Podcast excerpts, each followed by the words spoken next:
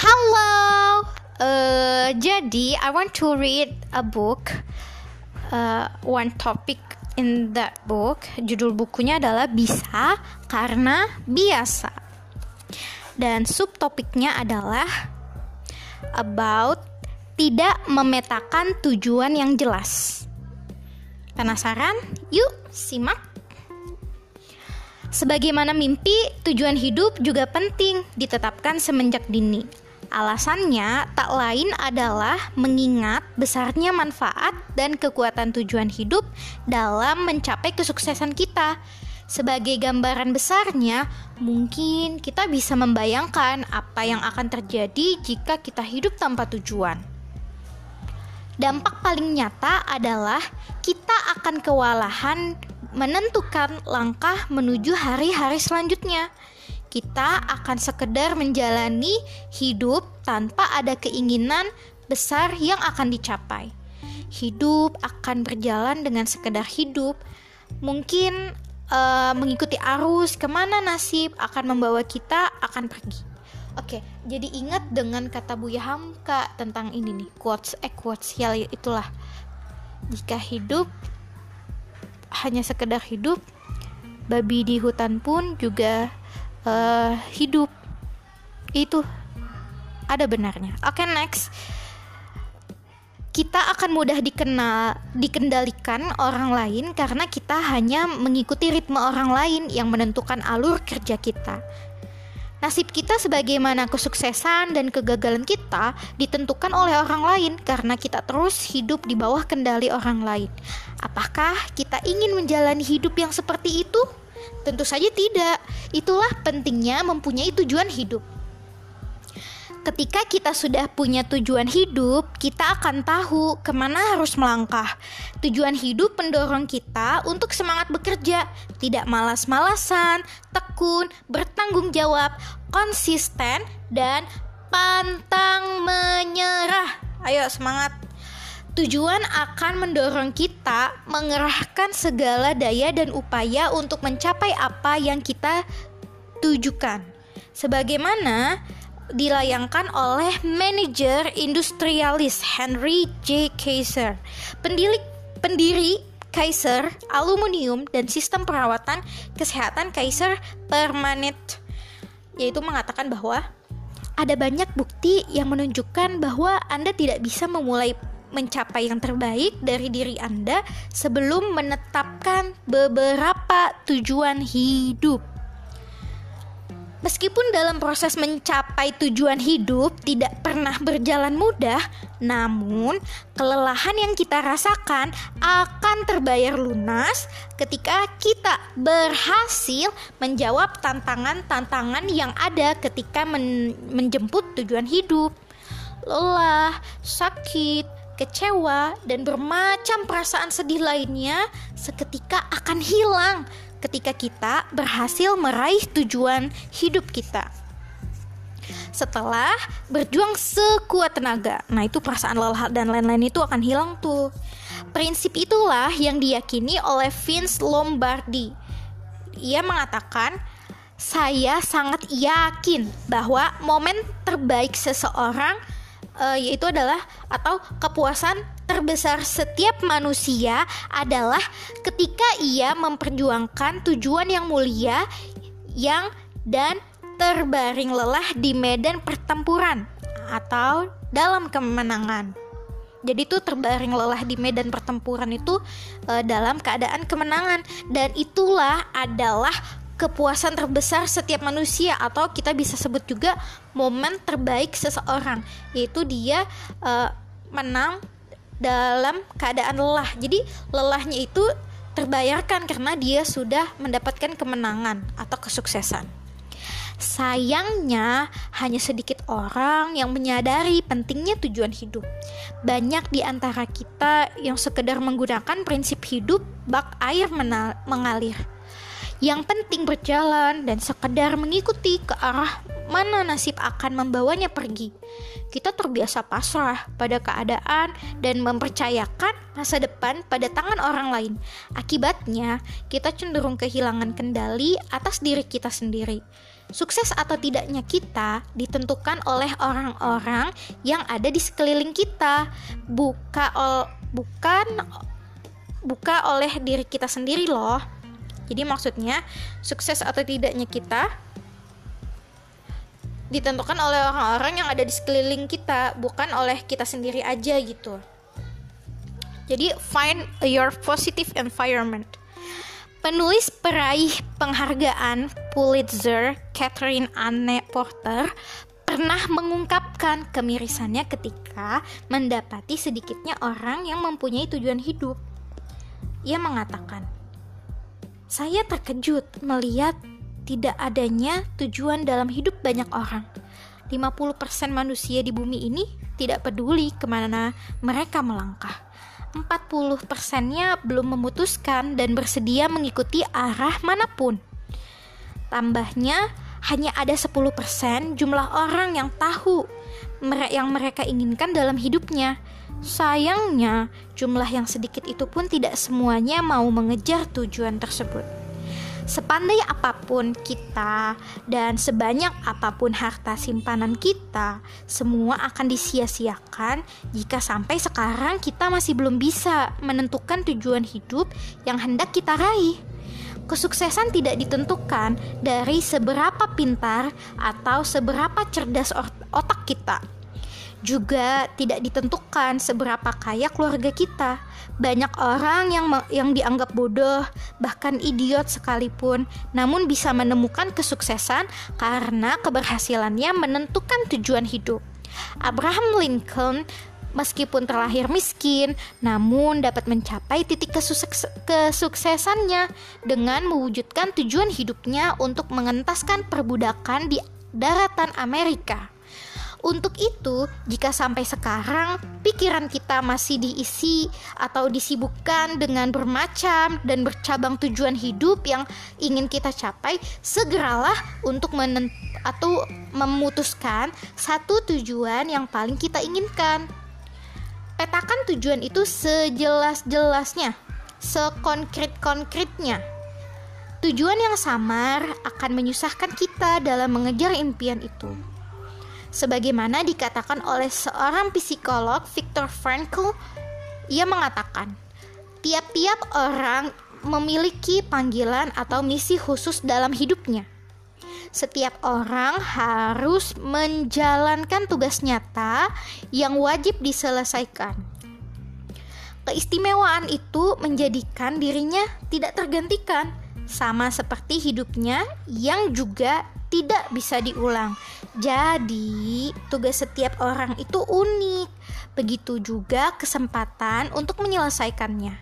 Setelah kita memetakan tujuan hidup dengan jelas dan memutuskan untuk menggeluti tujuan kita dengan sebaik-baiknya, langkah kita selanjutnya adalah memetakan kembali tujuan yang lebih spesifik dari tujuan besar kita.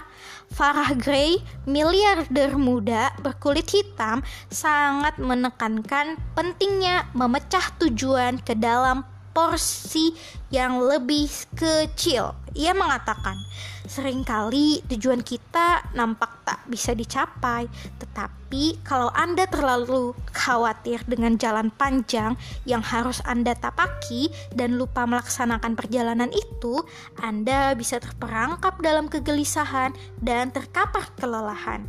Ketika hal ini terjadi, coba pecah tujuan Anda dan pandang porsi tujuan yang lebih kecil.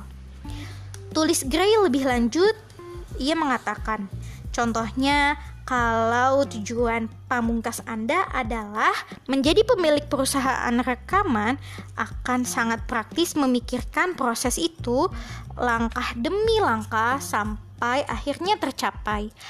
Anda harus memikirkan bagaimana cara e, mencari artis, kemudian menemukan orang-orang yang akan bekerja dengan Anda seperti agensi, manajer, promotor, dan sebagainya. Kemudian, Anda harus memikirkan bagaimana membuat rekaman dan ke mana mendistribusikannya. Nah, itu tadi dikatakan oleh Gray. ya, di mana Gray itu adalah seorang miliarder muda.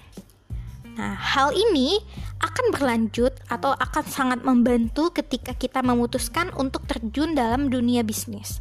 Saat kita sudah berkomitmen menggeluti bisnis, tentunya dengan mendirikan sebuah perusahaan tertentu, kita akan dipaksa untuk menentukan tujuan perusahaan yang kita dirikan.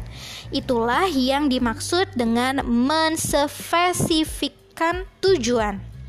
Berikut adalah contoh kisah bagaimana seorang pengusaha muda berkulit hitam yang lahir dari keluarga miskin berhasil berhasil menjadi miliarder karena keberhasilannya memetakan tujuan baik tujuan hidup maupun tujuan perusahaan yang didirikannya.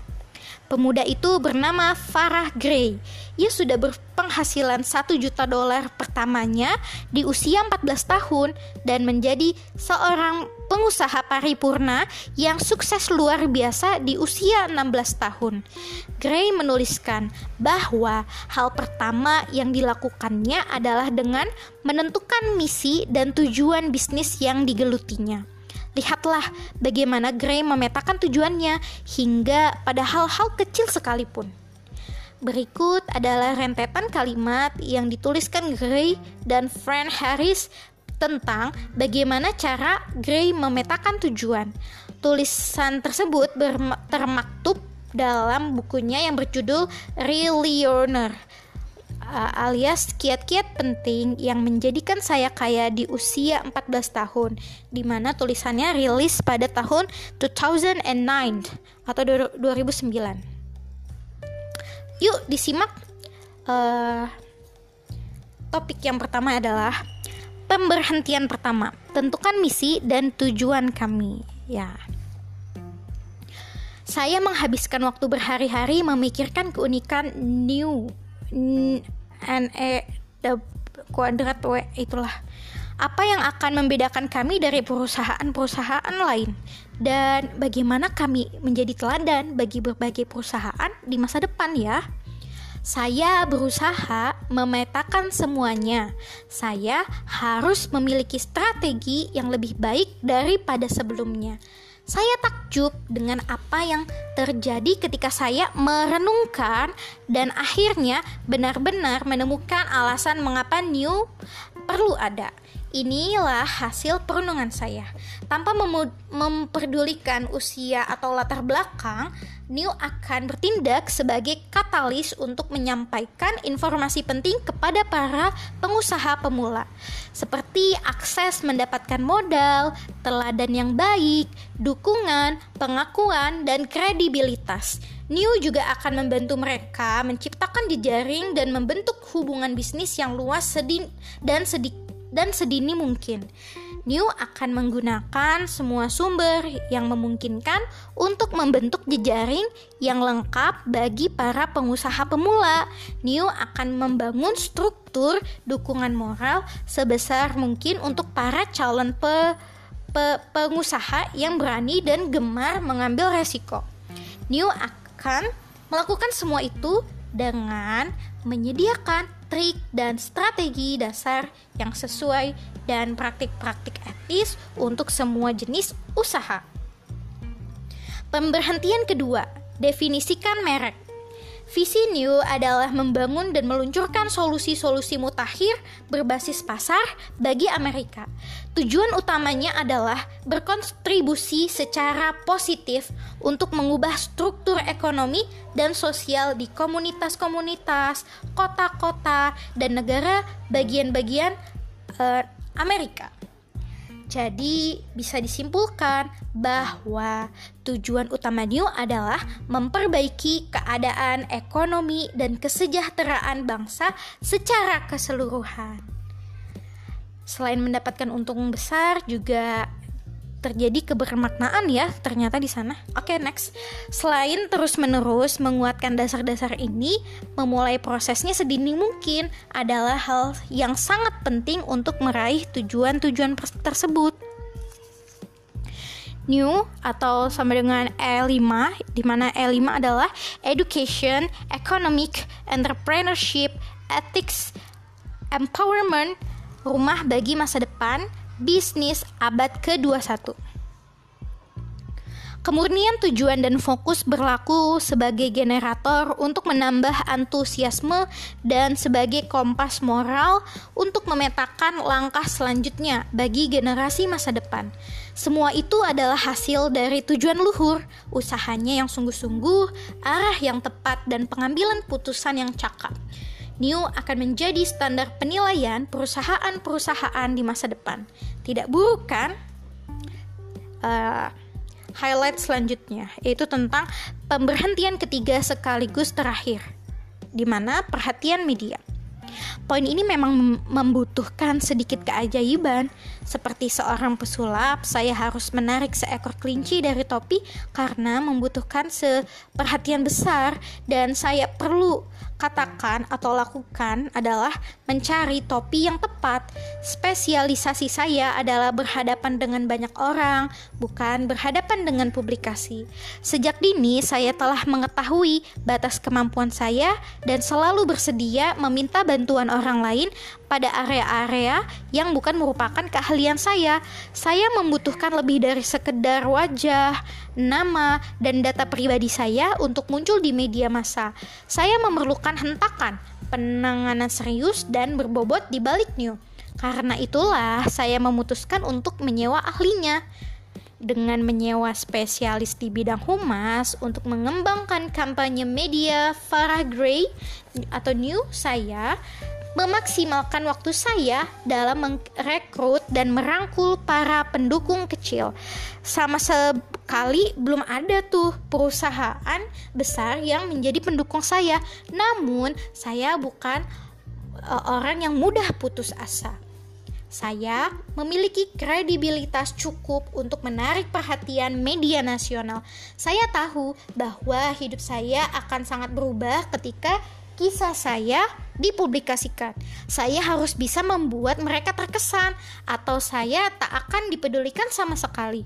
Lihatlah bagaimana Gray memetakan setiap tujuannya dengan sejelas dan sedetail mungkin.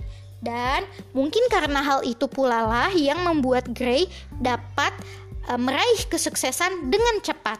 Bagi Gray, tujuan yang masih kabur harus segera diberi penerang supaya lebih mudah dicapai. Jadi intinya uh, to get your goal you have to uh, make your goal in detail dan membuat langkah-langkahnya. Jadi setelah ada tujuan besar, terus dipecah menjadi tujuan-tujuan kecil. Nah, tujuan-tujuan kecil itu uh, dirancang tuh langkah-langkah untuk menggapai tujuan kecil satu apa, rangkaian atau langkah-langkah untuk mencapai tujuan kecil dua apa. Jadi ketika kita membuat uh, tujuannya sedetail mungkin, kita jadi tahu tuh langkah apa yang harus kita lebih dahulukan lakukan sehingga eh, tujuan-tujuan itu akan dapat lebih mudah tercapai karena sudah dipetakan dengan baik.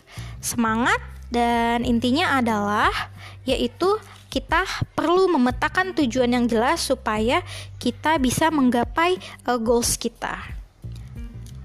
Happy, happy, happy, happy memetakan your life. Bye.